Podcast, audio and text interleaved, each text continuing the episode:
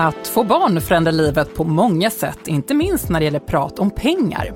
Hur får du slantarna att räcka till med lägre inkomst och ökade utgifter?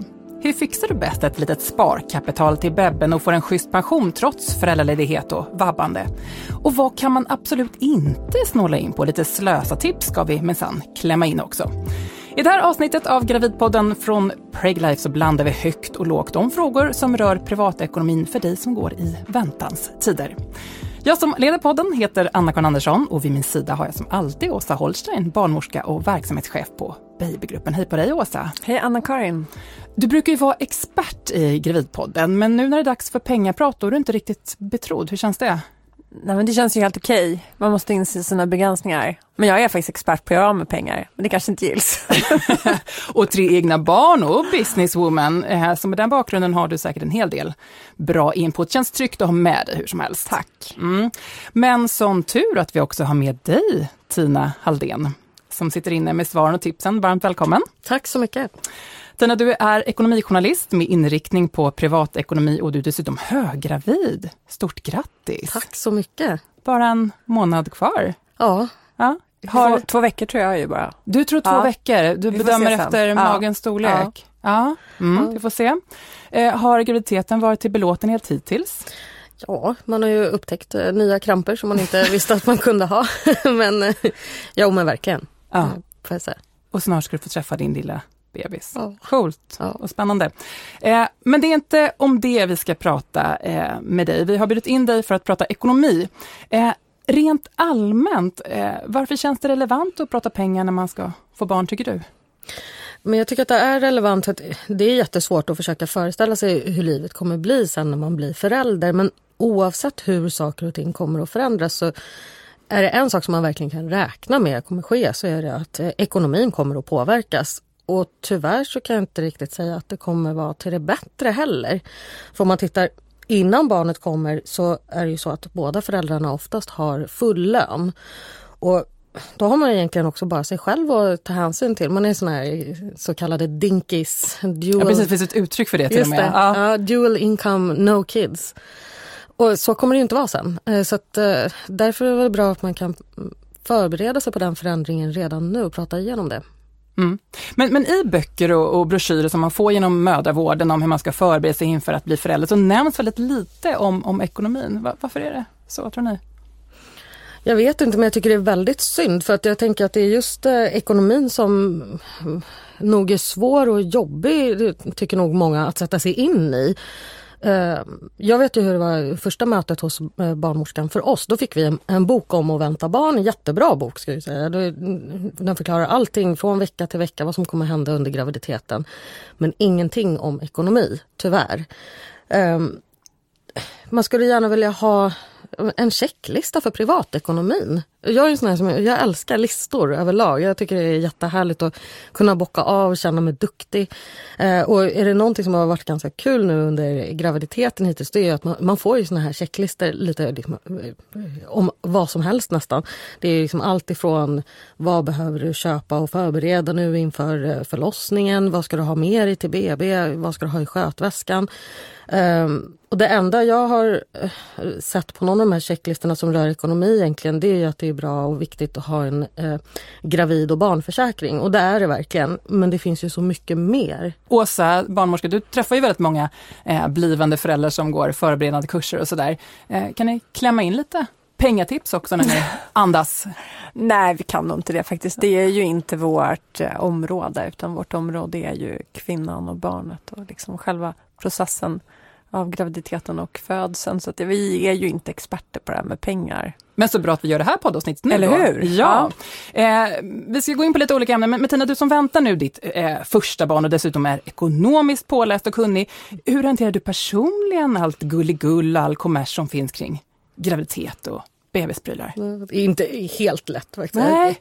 Även om jag kanske är eh, lite skadad från eh, mitt yrke och tänker mycket på ekonomi och så, så är det lätt att svepas med verkligen. Vet eh, exempelvis tidigare här under graviditeten så satt jag och scrollade på någon babybutiks hemsida och eh, helt plötsligt så kom jag på mig själv med att ha en så här, riktigt stark känsla av att ja, men jag, jag måste nog köpa ett sånt här eh, amningsförkläde. Eh, Jättepraktiskt, det kan man ju torka bebisens mun när man ammar och dessutom det var jättesnyggt. Och varför skrattar du så mycket? Jag har aldrig ens hört uttrycket amningsförkläde, jag bara ser det här framför mig. Med massa fickor och ja, är det, men gud, är det så här luckor för tuttarna eller hur är det? Nej, det var mer bara liksom som, eh, som en tygbit med en, eh, en rem som man hängde över halsen. Ja, eh, men väldigt snyggt. Ah. Det såg riktigt sådär moderiktigt ut och det kände jag, det måste jag ju ha. Jag hade inte heller hört talas om det innan. Gud vad roligt när ha-begäret står in. Ja. Men sen så, och då blev jag ju väldigt full i skratt när jag insåg att men, okay, men en vanlig handduk, varför skulle inte det kunna funka? det är liksom, det är lite det som är det är väldigt, väldigt mycket business i babybranschen, tyvärr tycker jag. För att det kan ju skapa en hel del ångest om man ska vara liksom lite seriös i det. För att, men liksom dels, både när man eh, sitter och scrollar på nätet så kan det vara svårt att stå emot men också när man står där i butiken och har kanske en sån här enträgen försäljare framför sig så att jag, jag kan bara utgå från mig själv. Men redan nu så vill jag jättegärna visa på att ja, men jag kommer ju bli en bra förälder, jag kommer göra allt för mina barn det blir en press. Um... Du får ta med dig Åsa i butiken så drar asgarvar åt de här prylarna, barnmorskan som dissar all kommers. Kan vi inte köpa begagnat, kan vi inte låna? Men du Tina, det blev inget förkläde? Det blev inte det. Och det och, för det är det som är grejen. Jag tror, det är viktigt, det var så jag tänkte också, men bebisen kommer inte märka någon skillnad om det är en handduk eller ett förkläde som jag sitter med. Det är liksom... Men har du inte köpt någonting onödigt då? Jo, eh, det har väl hänt ändå. Eh, det, sen vet jag inte, det blev ju inte förklädet men en sak som jag ändå har unnat mig det är en sån här avlång eh, kudde, som en gravidkudde som man kan sova med nu och lite längre fram kan man använda den också då vid amningen. Ehm, och jag är väl inte helt Ja. Sover du med den nu? Ja det gör jag ja. faktiskt, och det, så det funkar faktiskt bra nu. Ja. Så den har gett mig mer än vad jag eh, var orolig för att den inte skulle göra hittills. Men det var en chansning. Eh, för att, och, och sen så ska jag säga, det hade kunnat funka lika bra med vanliga kuddar. Jag tror inte att det hade varit tvunget att vara just den här. Men, jag eh, tycker det du säger där med att man vill ju göra det bästa och det kan också vara stå emot, svårt att stå emot alla de här produkterna man ska köpa då. Också svårt där, ja men om den här kostar eh, så här mycket och så finns det en som är mycket dyrare. Mm. Då kanske den är mycket, mycket bättre och vill man inte ha den då, för man vill ju ändå ha det bästa. Jag tycker också att man här, vi har en känsla av att man är värd någonting. Man går med den här magen ja, som också. växer och man stånkar och sådär. Då kan man väl vara värd i alla fall en liten mysig kudde att gosa med i sängen. Ja, ja, och så kan man hoppas på att den gör lite nytta samtidigt. Absolut. Och det är väl helt okej att tänka så tycker jag. Bara kanske inte svävar iväg och blir på varje grej. Och lite som, eh, som du var inne på så tycker jag också att eh, just en varningssignal kan ju vara istället för, har man aldrig hört talas om prylen eh, och aldrig fått veta att det här, du måste ha det här för att ta hand om ditt barn. Det kan vara lite varningssignalen för då kanske det inte riktigt är något du måste ha. Jag har hört att det kostar ungefär en miljon kronor att ha ett barn. Det är något slags eh, schablonbelopp eh, för det som föräldrar lägger ner i pengar då på ett barn. Vad bygger den här siffran på? Vad är stora drag, vad är det som kostar Tina? Ja, men det har blivit den här miljonen som man ofta hänvisar till när man pratar om vad det kostar att få barn. Och det, eh, det var ju Swedbank som eh, började räkna på det här för flera år sedan.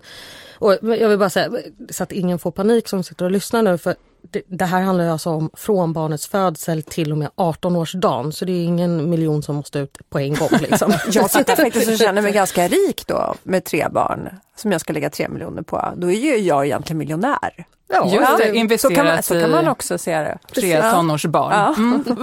Vad är det som kostar under de här 18 åren? Ja, men man har tagit, när man har räknat på det här så har man tagit med en massa olika parametrar. Det är liksom allt ifrån så här, vad det kostar att bo lite större, alltså då skillnaden i hyra mellan en tre och en fyra.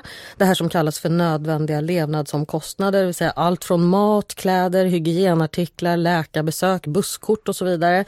Det är kostnader för barnomsorg, nödvändiga grejer såsom ja, men, säng, barnvagn med mera. Sen så har man också räknat med kostnader för någon enklare typ av fritidsaktivitet där barnet kanske kan komma iväg på någon lägervecka per år. Det handlar om klassresor, man har med eh, veckopeng eller månadspeng, eh, födelsedagspresenter och julklappar och till och med presenter till kompisar som fyller år och lärare. Sen har man också räknat med att det är en kostnad att få lite lägre inkomst under föräldraledigheten och när man vabbar. Och sen slutligen då så har man dragit av barnbidrag och studiebidrag från den här liksom totala kostnadssumman och då har det tidigare landat på ungefär en miljon kronor. Men eh, i den senaste uträkningen nu som gjordes, jag tror det var 2014, då hade det gått upp lite grann så då blev kostnaden ungefär 1,2 miljoner kronor. Då. Och då kanske det låter som att ja, men då har man verkligen fått med allt för det är väldigt mycket som man har räknat in här. Men samtidigt så kan man se det som att det är faktiskt ganska snålt räknat. För till exempel har man inte räknat med att det kostar extra då Eh, för eh, att åka på semester om man är fler i familjen. Eh, större tillställningar som kanske konfirmation eller studentexamen längre fram, det är inte med. Eh, om barnet kanske vill gå på någon dyrare sport eller fritidsaktivitet så är inte det heller inräknat här. Språkresa om man hade tänkt det eller något eventuellt sparande till barnet. Och framförallt kanske då är ju att som det ser ut idag, åtminstone i storstäderna, så kanske man inte heller kan räkna med att barnet flyttar hemifrån just på 18-årsdagen. Och det kostar ändå att ha vuxna barn eh, boende hemma, så lite mer får man nog räkna med totalt. Men, men stämmer eh, Åsas räkning här då, att det är en miljon per barn, så att om man får två eller tre barn så är det två eller tre miljoner eller ännu mer? Då, då? Ja, men det är svårt att säga någon exakt summa på vad det kostar liksom för barn två och barn tre och så. Eh, vad jag vet så är det ingen som har räknat exakt på det men Eh, lite mindre borde det i alla fall bli för att eh, dels så blir det ju några hundralappar billigare i månaden bara när det gäller barnomsorgskostnaden för de yngre barnen. Eh, sen får man ju flerbarnstillägg eh, och sen så viktigast av allt kanske då, de eh, yngre syskonen eller syskonet kan ju faktiskt ärva både kläder, möbler och prylar. Och det kanske inte låter superkul för den som eh, har upplevt själv att vara ett yngre syskon men man kan försöka göra det till en rolig grej tänker jag. Att nu vi går på upptäcktsfärd här i garderoben eller källaren eller vart man nu har grejerna och så ser vi vad vi hittar för skatter där. Ja, så jobbar vi hemma hos oss med, med det, ja. den yngsta. Hon har aldrig varit inne i en butik tror jag, där man går ner och rotar i källaren med, mellan olika kartonger och lådor. Vi ska prata lite konsumtion och spartips snart, men jag tänkte vi skulle börja med intäktssidan först. Eh, barn tar ju tid, både under föräldraledigheten och, och vid vabbande och för att man vill umgås med sina barn och inte kan eller vill jobba så förbaskat mycket helt enkelt. Tina, hur ska man tänka kring ledighet och deltid tycker du? Men jag tycker att det är väl bra om man kan dela upp så mycket som möjligt eh, så att det också blir lite rättvisare i längden. Jag tycker det finns tre viktiga saker som man kan tänka på när det gäller att dela ansvar. Eh, för det första, så när det gäller uppdelningen av föräldraledigheten så är det faktiskt så att eh, de allra flesta tjänar ändå rent ekonomiskt på att dela dagarna hyfsat lika även om jämställdhetsbonusen har tagit, tagits bort. Då. Eh, det finns massor av undersökningar och uträkningar kring det här och jag vet att Försäkringskassan har varit här och, och pratat om det också så vi kanske inte ska gå in för djupt på siffrorna men det man kan säga som är liksom lite huvudpoängen är att det är inte bara hur mycket man tjänar i lön som påverkar hur mycket man får ut sen vid föräldraledigheten utan eh, en sån sak som om man har kollektivavtal eller inte påverkar ju eh, väldigt mycket. För att då eh, arbetsgivaren, då har du oftast rätt till föräldralön där arbetsgivaren täcker upp det här inkomst Eh, tappet. Sen kan skatten spela in också för man betalar olika skatt också för olika typer av inkomster. Så det är en sak. Det andra som jag eh, tänker på att man kan dela upp är ju arbetstiden och då framförallt deltiden. Det är jättebra om man kan undvika den här så kallade deltidsfällan som det är så vanligt att vi kvinnor fastnar i. Eh, idag så eh, arbetar ungefär 30% av alla kvinnor deltid och om man tittar på motsvarande siffra för männen så är det 11% enligt eh, Pensionsmyndigheten. Och det här är en sån sak som kan påverka pensionen negativt i framtiden och vi kvinnor vi har ju generellt också eh, eh lägre pension än männen. Eh, samtidigt så det är lite klurigt för att det är lätt att sitta här och säga att nej, men jobba heltid så får du bättre pension. Eh, men vi ska inte glömma bort att det faktiskt ofta är just kvinnodominerande yrken som är väldigt slitsamma och det är faktiskt inte alls säkert att man orkar jobba heltid samtidigt som man ska få ihop det här pusslet med familjen.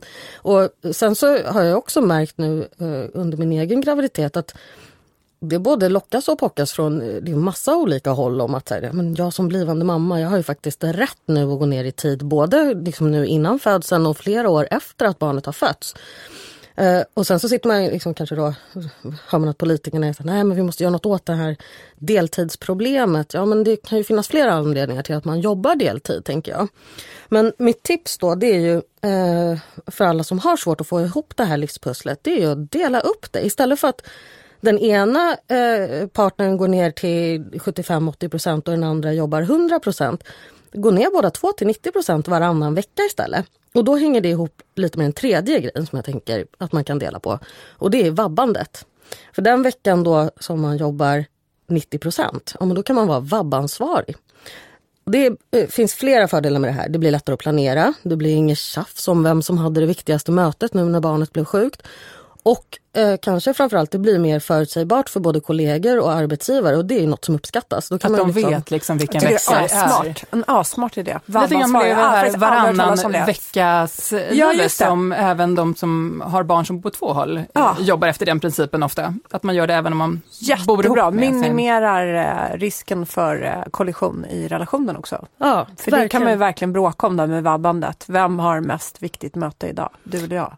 Precis, och vem tog det sist och så vidare. Och här i appen som du nämnde Tina så finns det avsnitt eh, där vi har en expert från Försäkringskassan som eh, pratar om eh, just föräldraledigheten och saker man kan tänka på kring det.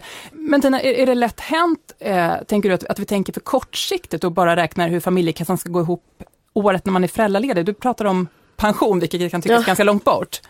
Ja, men jag kan tänka mig att det är det faktiskt och det är inte så himla konstigt ändå för det är ju mycket enklare och mer konkret att se till nuet än liksom, hur ens ekonomi ska se ut om kanske flera decennier. Eh, och även om det är viktigt att, att tänka framåt så är väl det viktigaste hur man har det som familj, att man liksom har det bra här och nu. Samtidigt så ska man inte glömma bort att med ganska små medel och lite planering så kan man ju faktiskt påverka en hel del framöver. Som det här som vi pratar om nu till exempel. Mm.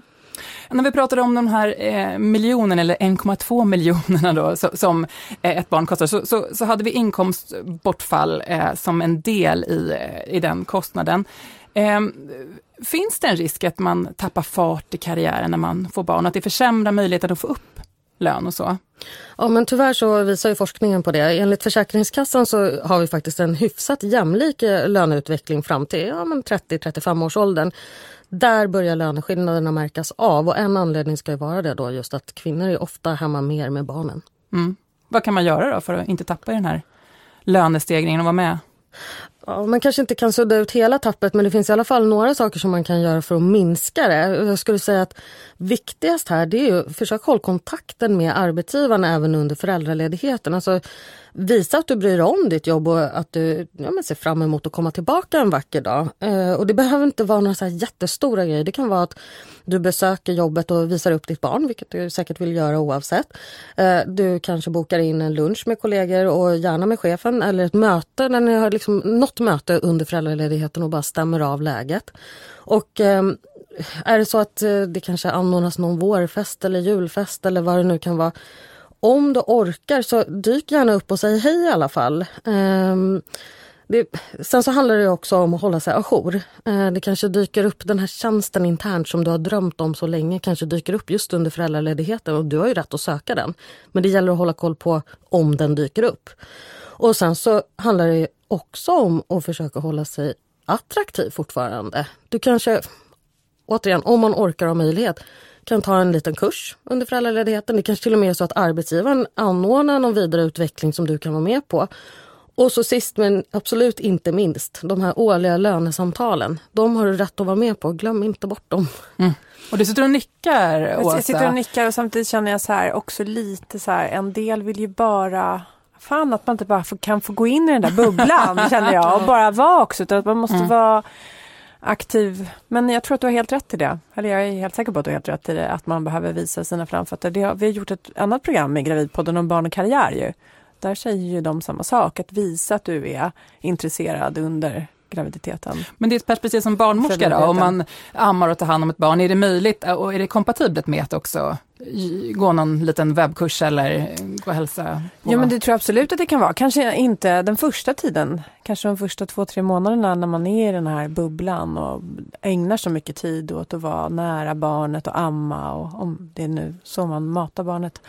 Eh, kanske inte då, skulle jag säga, om man är så upptagen av sin nya roll som förälder. Men när barnet blir lite större sen och sover lite längre perioder så är det ju många också som känner kanske att de är lite faktiskt, ja, kanske någon som slår med huvudet nu, men man kan faktiskt bli lite uttråkad. Ja. att det kan också vara bra att ha då det här och hålla igång. Mm. Men då, det behöver inte vara att man springer fram och tillbaka till jobbet liksom varenda vecka heller ska jag poängtera. Utan det, liksom, det kan räcka med någon gång så. ja. Jämställdhetsbonusen har slopats, det har vi nämnt, eh, men man eh, kan föra över sin premiepension till sin make eller registrerade partner. Eh, Också med det här att jämna ut så att säga, de ekonomiska skillnaderna. Hur funkar det och varför kan det vara en bra idé? Ja, men till att börja med så premiepensionen är en väldigt liten del av vår totala pension. Den ingår i allmänpensionen som vi får av staten och det är ungefär, eh, eller ja, inte ungefär, det är 2,5 procent av våra löner som sätts av till den varje år. Och anledningen då som du är inne på, det är eh, att, att det kan vara en bra idé att föra över den här premiepensionen till sin partner. Det är att det är helt enkelt ett sätt att jämna ut och kompensera varann. Så här, Kvinnor får ungefär 6 000 kronor mindre i pension varje månad än män. Och en anledning till det är att kvinnor ja, men, är föräldralediga längre. Och som det ser ut idag så är kvinnorna föräldralediga ungefär 75 procent av dagarna. Och det betyder ju då, som vi varit inne på, lägre inkomst och mindre pengar till pensionen. Men om ni då är gifta eller registrerade partners så kan den som tjänar mer eller som inte är hemma lika mycket föra över sin premiepension till den andra partnern för att kompensera då för det här inkomstbortfallet. Och gör man den här överföringen då kan det minska skillnaden i pension med omkring 900 kronor i månaden. Så det är en ganska schysst grej faktiskt. Mm. Eh, bara så här, rent praktiskt, är det svårt Alltså rent göra Nej, överföringen? In, det, det, ska till och med bli lättare. Det är inte speciellt krångligt men eh, här finns det faktiskt en nyhet för politikerna vill göra det enklare att göra en sån här eh, överföring. Eh, det är pensionsgruppen som består av ett gäng representanter från olika partier och instanser. De har föreslagit nu att man ska slippa hålla på. Förut har man behövt fylla i massa blanketter, man ska skicka in och ansöka och sen ska man skicka in och godkänna och det är fram och tillbaka.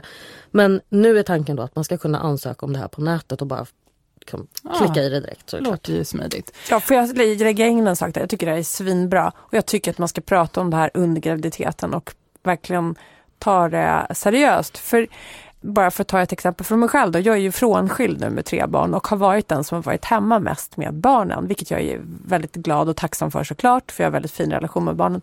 Men nu är jag ju frånskild och vi har inte gjort det här. Så min pension är ju återkalleligt försämrad. Mm. Eh, så att eh, sådana här grejer behöver man liksom snacka om. Och det är alltid bra att ta det när allting är som bäst. Alltså, ja, nu kan jag inte komma och säga du eh, förresten vi har inte reglerat premiepensionen. Så funkar det inte. Mm. Utan det här måste man ha pratat om innan. För att minimera eh, att det blir så här. Bra input. Eh, men det vi pratar om nu, det funkar inte om man inte är gift eller registrerad partner. Eh, du kan inte skicka över den här premiepensionen till din sambo, även om du ska få barn med honom eller henne, henne, eller hur?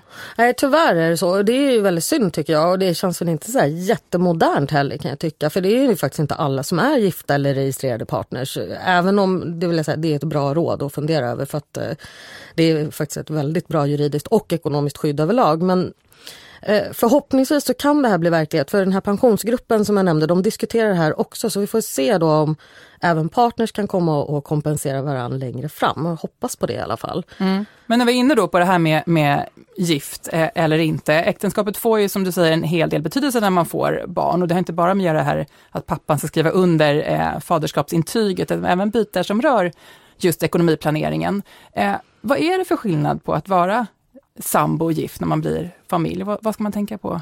Tråkigt nog så de viktigaste skillnaderna blir tydliga eh, faktiskt när eh, det värsta händer som att man exempelvis separerar eller att det verkligen värsta som kan hända händer, det vill säga att den ena föräldern dör. Och då är det, det viktigaste att, att hålla koll på och veta om det är att sambos ärver inte varandra. Det är barnet som ärver.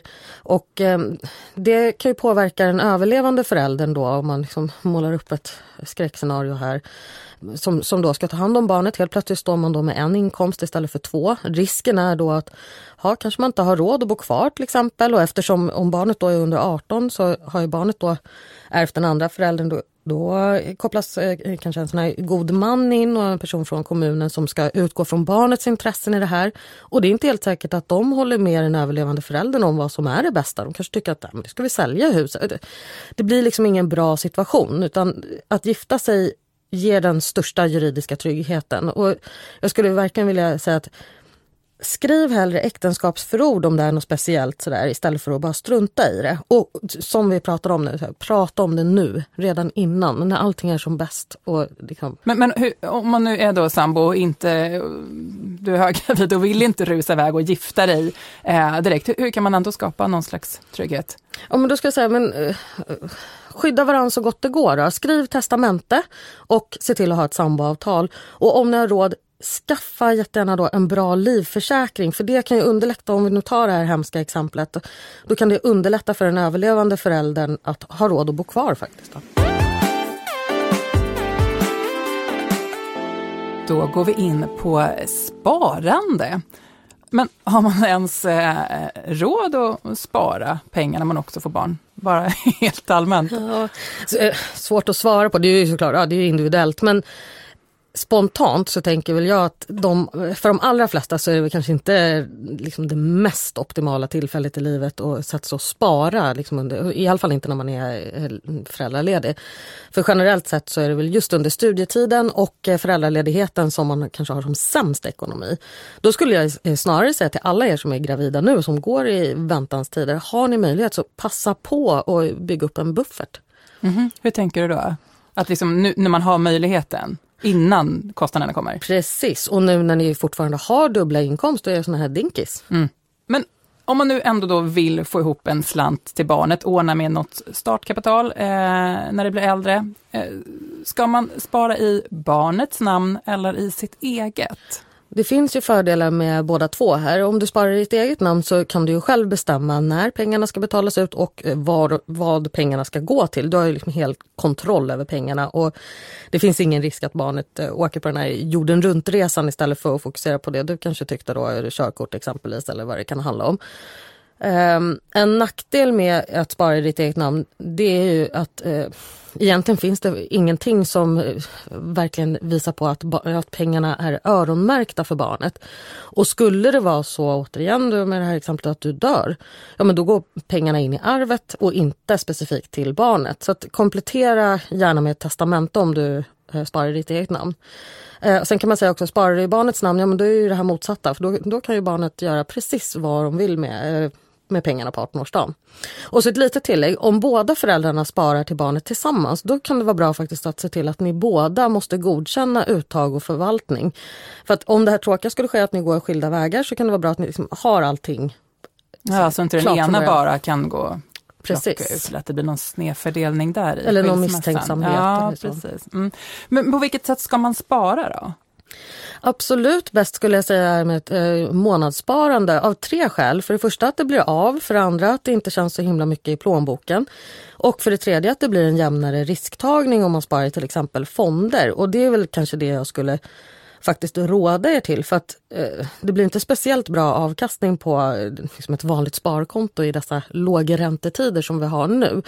Um, och om man tänker fondsparande, då tycker jag då finns det två alternativ som är bra. Eh, det ena är investeringssparkonto eller kapitalförsäkring.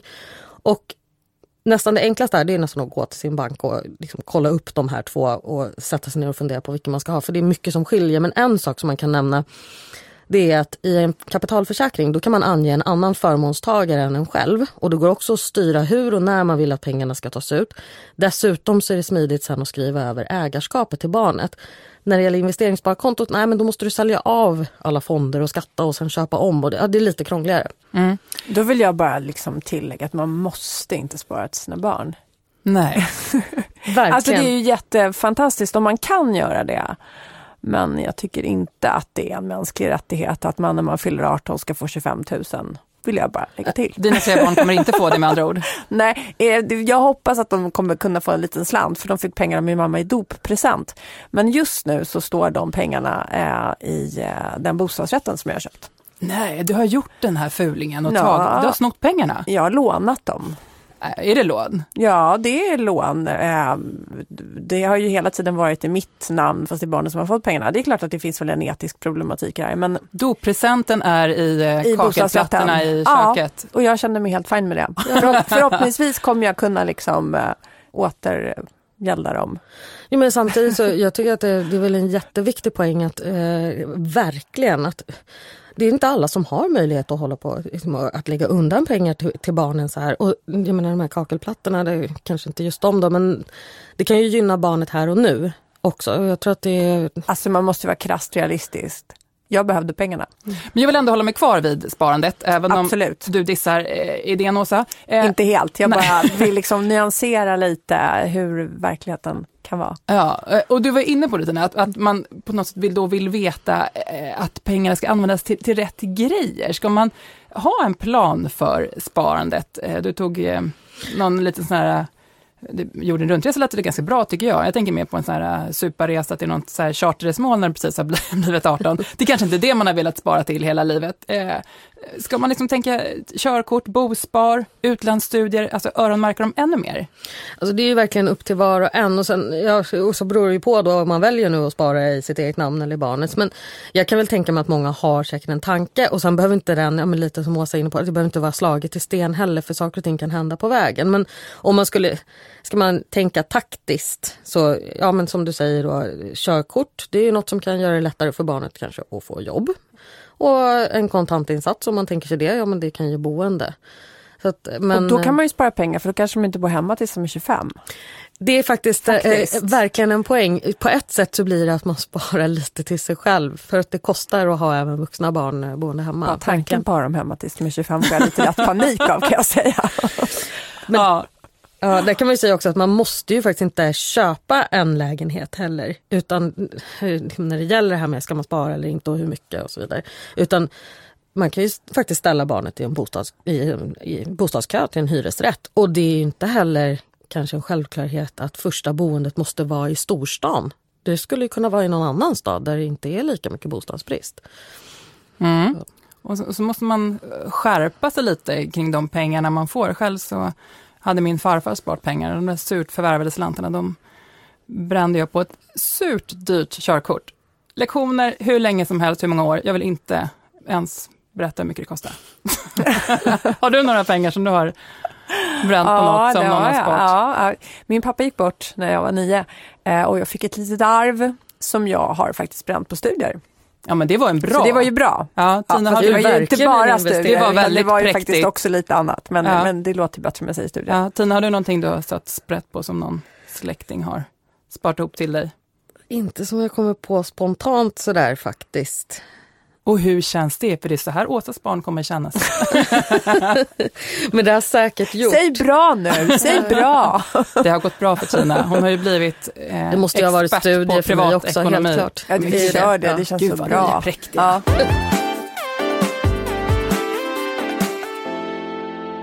Mm, lite konsumtions och spartips ska vi få med också. Eh, det är inte de stora inkomsterna man blir rik av, det är de små utgifterna brukar det heta. Men stämmer det, Tina? Ja, det är en bra fråga. Ni, många bäckar små tycker jag. Lite som vi pratade om med sparande så var det ju så att man håller på och lägger ihop ett sparande under lång tid med, med små summor så ger det mycket i slutändan kan jag tänka. Och samma sak då med de små utgifterna och det är väl de man inte riktigt tänker på. Det är kanske just därför det är de som kan skena iväg också. Mm. Om vi tar ett exempel då som många lägger mycket energi på, det är ju vagnköpet. Jag trodde du skulle säga kaffelatte. ja, det kan också vara en stor utgiftspost. Inte Herregud, vilka skenande priser det är på latten. Ja, verkligen det är det. Ehm, men nu tänkte jag främst eh, vagnen. Eh, latten är svår att köpa begagnad nämligen. Eh, är det alltid ett smart val att köpa en, en begagnad vagn? Om man kollar på det, det priset. Men jag tänker att det beror på vad man värderar och vad man har för möjligheter och förutsättningar också. Eh, men en sak är ju att dyrare vagnar tenderar ju att faktiskt ha ett ganska bra andrahandsvärde. Och då skulle det ju kunna vara så att om man köper en ny vagn som man sen säljer, då är ju det man har förlorat i värdeminskning, det kan vara ungefär lika mycket som det skulle ha kostat med en begagnad vagn. Mm. Och, och fördelen är att du har en garanti också om du köper en ny vagn, vilket du inte har om du köper en begagnad vagn, om någonting skulle gå sönder. Verkligen. Mm. Så den lilla aspekten. Ja, annars ja. gillar jag ju begagnat, men, men den lilla aspekten. Jag har köpt begagnade vagnar och de går ju alltid sönder. I alla fall de jag har köpt. Ja. Eh, hur har du resonerat Tina kring ditt vagnköp? Men, men, vi gjorde faktiskt så att vi räknade precis på det här med, med andrahandsvärdet. Och, det beror ju såklart på liksom, vilket skick vagnen är men om man tänker liksom inte en alltför sliten vagn för det vill man ju kanske inte ha oavsett då om den går sönder. Eh, så såg vi att eh, en av de mest populära och i och för sig dyraste vagnarna på eh, begagnat-sajterna kostar ungefär 9500 kronor i grovt snitt om man jämför då mellan billigaste och dyraste. Skulle man köpa den som helt ny så skulle den kosta 13 000 kronor.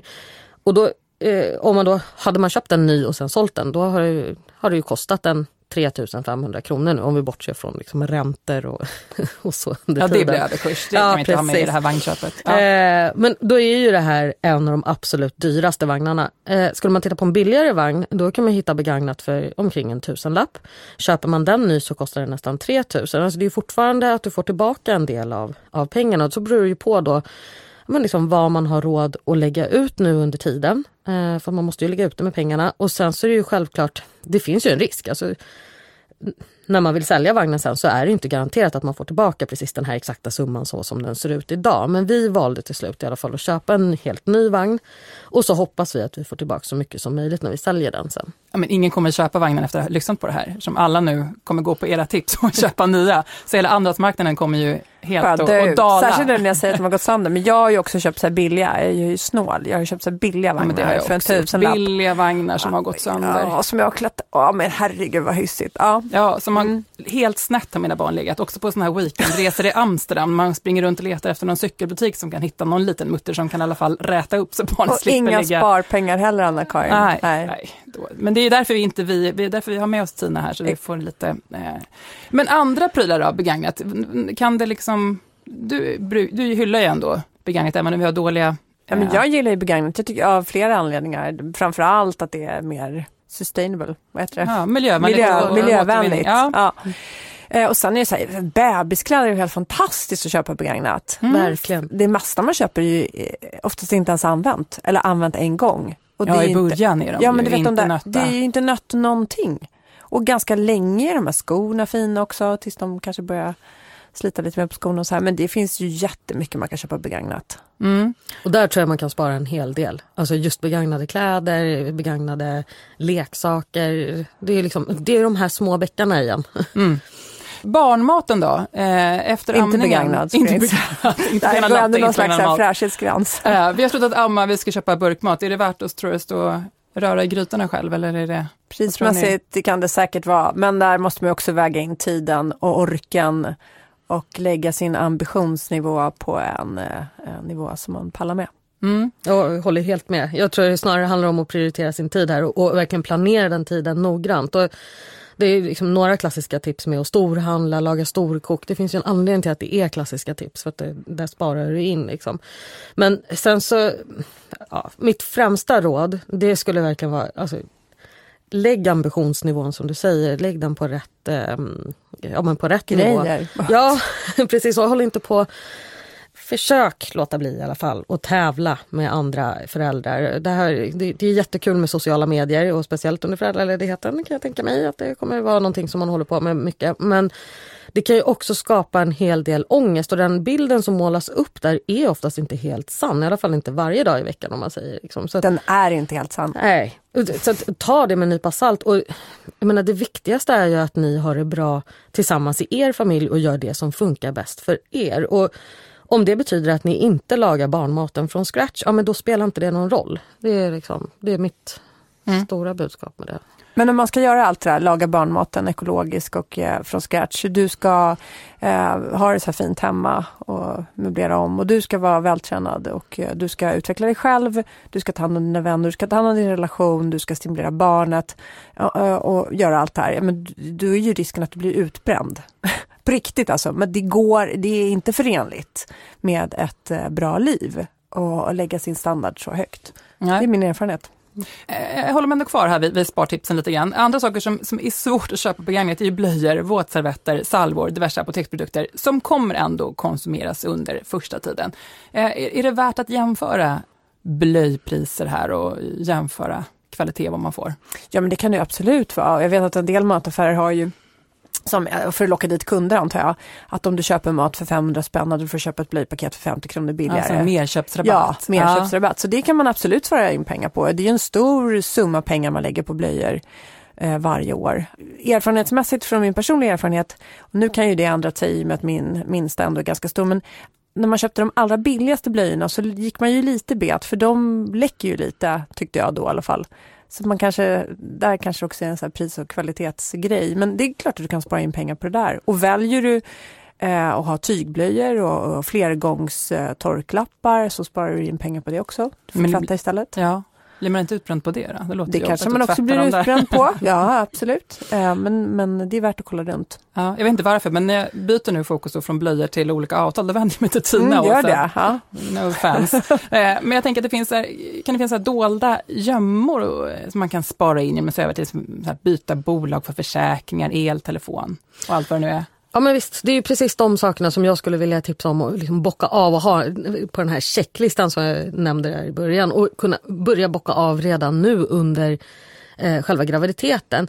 Men att liksom passa på när ni går i, i väntans tider. Räkna på vad ni har för inkomster, vilka utgifter ni har och vad ni kanske kan dra in på. Och här vill jag tipsa om Konsumentverkets eh, tjänst eh, Hallå konsument och de har en jättebra budgetkalkyl. Eh, det är bara att helt enkelt googla på Hallå konsument och budget så får ni fram den. Eh, och där är det jätteenkelt att klicka i och så räknar den ut allting. Och sen så, ja men som du säger, gå igenom alla försäkringar, att de täcker rätt saker, att ni inte är dubbelförsäkrade. Ni kanske har lån eller bolån som ni kan amortera på eller förhandla om räntan på. Och det behöver inte vara liksom så himla krångligt faktiskt. Eh, om man tar det här med elen till exempel. Där är ju egentligen om man ska vara rent krasst så är det det viktigaste är ju bara att att göra ett val. Det spelar inte så stor roll om ni väljer rörligt eller bundet elavtal. Det viktigaste är att ni gör ett aktivt val för då slipper ni det här liksom mycket dyrare anvisade elavtalet som man får per automatik annars. Och det behöver inte, vara, eh, liksom, behöver inte göra så stor grej av det utan ta, försök ta en sak i taget och jobba med delmål och gärna att ni belönar varandra med massor av beröm när ni har liksom bockat av någonting. Nu har du ringt där elbolaget, vad bra! Eh, det, det, är faktiskt viktigare än man tror, att man liksom känner att, det blir, att man är duktig, att man har, nu har vi betat av. Och det är värt det, det finns pengar att, det gör att tjäna här. Det gör det och det beror på liksom hur mycket man har gått igenom sen tidigare såklart, mm. men, men verkligen. Och sista grejen apropå liksom det här som jag verkligen skulle vilja säga också, det är ju till alla er som eh, kanske är sent i graviditeten här, alltså få inte panik nu för att eh, liksom, det här som, som jag har pratat om nu här, det är, det är ingenting som man måste ha gjort vid en viss tidpunkt i just i graviditeten eller liksom vid den, det och det klockslaget utan det är aldrig för sent och det kommer alltid att göra skillnad. Men om man har levt eh, utan barn så blir det en omställning och såklart en del utgifter som man inte haft tidigare när man har en bebis att ta hand om. Eh, men utan då återigen att skrämma gravida lyssnare. Eh, Åsa, du har ju tre ganska stora barn och du kan ju vittna om att det inte blir billigare med åren. om du skulle jämföra bebisutgifterna med tonårsutgifterna, vad, vad är det för skillnad? Ja men alltså tonårsutgifterna blir ju ändå större. Ja. De, det är ju inte, till en 16-årig tjej, du, det är inte det här med begagnat, ja, det ska det vara second hand eller vintage eller så här, men du vet, det funkar inte på samma sätt. Och eh, de, de, de vill mycket. Vill göra mycket, vill ha mycket, dyra dojor och Mikkel som är nio, han, eh, han, han äter ju gympadojor. Jag vet inte vad som händer men du vet, det, de, det är sex veckor så är de slut. Så att, äh, jag upplever att kostnaderna blir mycket, mycket dyrare ju äldre barnen blir. Mm. Men vi kan vända till något positivt också, att man kan leva i nuet. Så tänk på när ni nu ser framför er, gud vad dyrt det var att skaffa barn. Men nu, har jag, nu är man ju van, liksom. det, är, det är det som är bra med att bli förälder, det är ju en process. Liksom. Mm. Och, eh, Tina är ju ekonomiskt eh, lagd. Du som barnmorska då, Åsa och trebarnsmor, kan inte du slutligen ge Tina lite slösa eh, tips? Vad, vad ska Tina absolut inte snåla in på nu när hon blir mamma? Åh, jag tänker att du kommer ju vara ute och promenera ganska mycket. Mm. Så jag tycker du ska ha riktigt schyssta gympadojor, en bra jacka som både är varm och tål regn, riktigt varma sköna vantar och en piffig mössa. En piffig mössa. Men ungen ligger i någon begagnad sparkdräkt, det är inte så noga. Det är bra. Ja, ja nej, det tycker jag. Ja, Absolut. till mamma Tina. Ja, ja, det tycker jag. Känns det som bra? Tips och ja, det låter ju toppen. Ja, och skiter, skiter det där förklädet då. då. Ja. ja, det kan du, det ska jag stryka. Stryk det, det ingår inte i projektlistan. Tack så jättemycket Tina Halldén. Tack. För att du vill vara med ekonomijournalist med inriktning på privatekonomi för din medverkan och dina goda råd. Och lycka till nu med barnafödandet och föräldraskapet. Tack så jättemycket. Åsa Holstein, barnmorska och verksamhetschef på Babygruppen. Tack även till dig. Tack Anna-Karin. Mm, Anna-Karin Andersson heter jag och Gravidpodden från Preglife görs i samarbete med produktionsbolaget Munk. Tack och hej!